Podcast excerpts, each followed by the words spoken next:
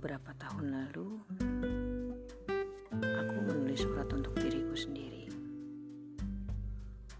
Bagaimana di dalam diriku itu aku aku mengatakan bahwa aku kuat, aku hebat, aku cantik, aku luar biasa. Aku menegaskan berkali-kali ke dalam diriku sendiri biasa, aku seorang pekerja keras dan hal-hal baik lainnya. Tepatnya tahun 2019. Tahun di mana hatiku sangat patah, tahun di mana depresiku sangat tinggi, tahun di mana aku bawa anakku untuk berkonsultasi di psikolog yang sama.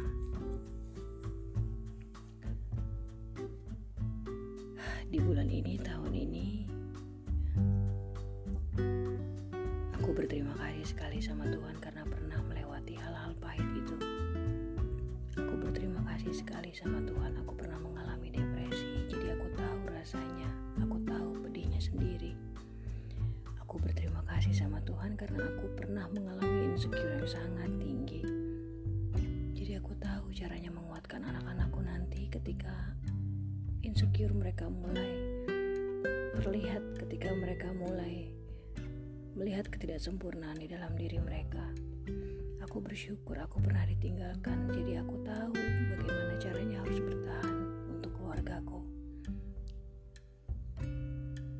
Aku tahu bagaimana rasanya selalu dibuang, selalu ditinggal pergi. Jadi aku tahu aku akan bertahan untuk orang-orang yang menyayangiku. Untuk menerima berbagai macam kendala di dalam pekerjaan. Jadi aku tahu kesempatan yang berkali-kali itu menandakan Tuhan yang tidak pernah letih mengajariku sesuatu.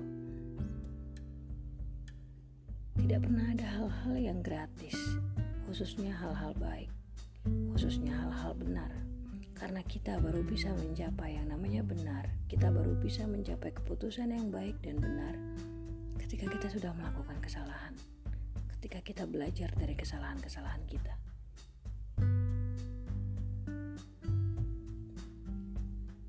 Seorang Ding, perempuan yang jauh dari sempurna.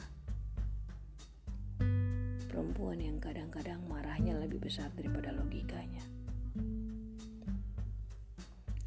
Tapi malam ini aku bisa dengan bangga berkaca baik dari mata suamiku maupun dari kaca yang ada di depan kamar mandiku.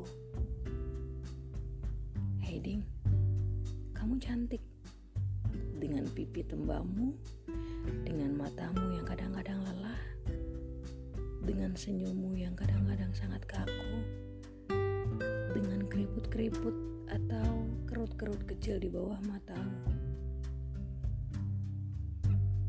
Ding cantik.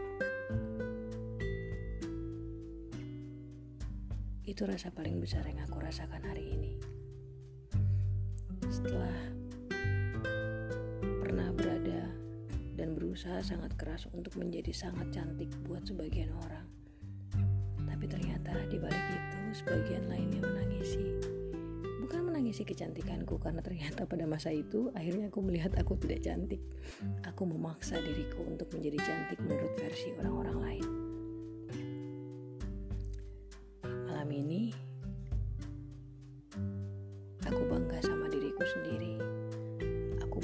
atas semua pedih, atas semua sakit, atas semua kejadian-kejadian yang tidak menyenangkan, atas semua penipuan-penipuan di dalam pekerjaan ataupun di dalam kehidupan.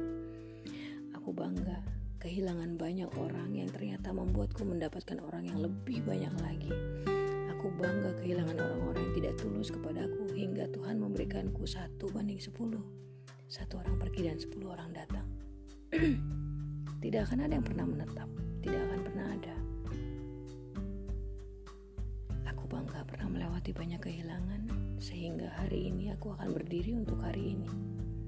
Aku percaya Tuhan menjagaku sampai besok, besok, besok, besok, dan besok yang lagi. Aku percayakan segala sesuatunya di tangan Tuhan. Buat teman-teman yang dengar ini, dan mungkin malam ini ini sedang merasa apa pun yang kalian lakukan seolah mentok. Mungkin malam ini sedang merasa bahwa kamu bukan orang tercantik di mata pasanganmu atau keluargamu. Mungkin saat ini merasa kamu ditinggalkan. Jangan takut. Itu berarti kamu sedang menuju bahagiamu. Ambil pemahaman paling besar maafkan siapa pun mereka, terlebih dirimu sendiri. Kita tidak pernah melewati yang namanya sakit, kita tidak akan pernah mengerti yang dimaksud dengan bahagia. Semangat selalu ya perempuan-perempuan hebat, perempuan-perempuan kuat, perempuan-perempuan luar biasa. Kodrat kita untuk belajar dari rasa sakit.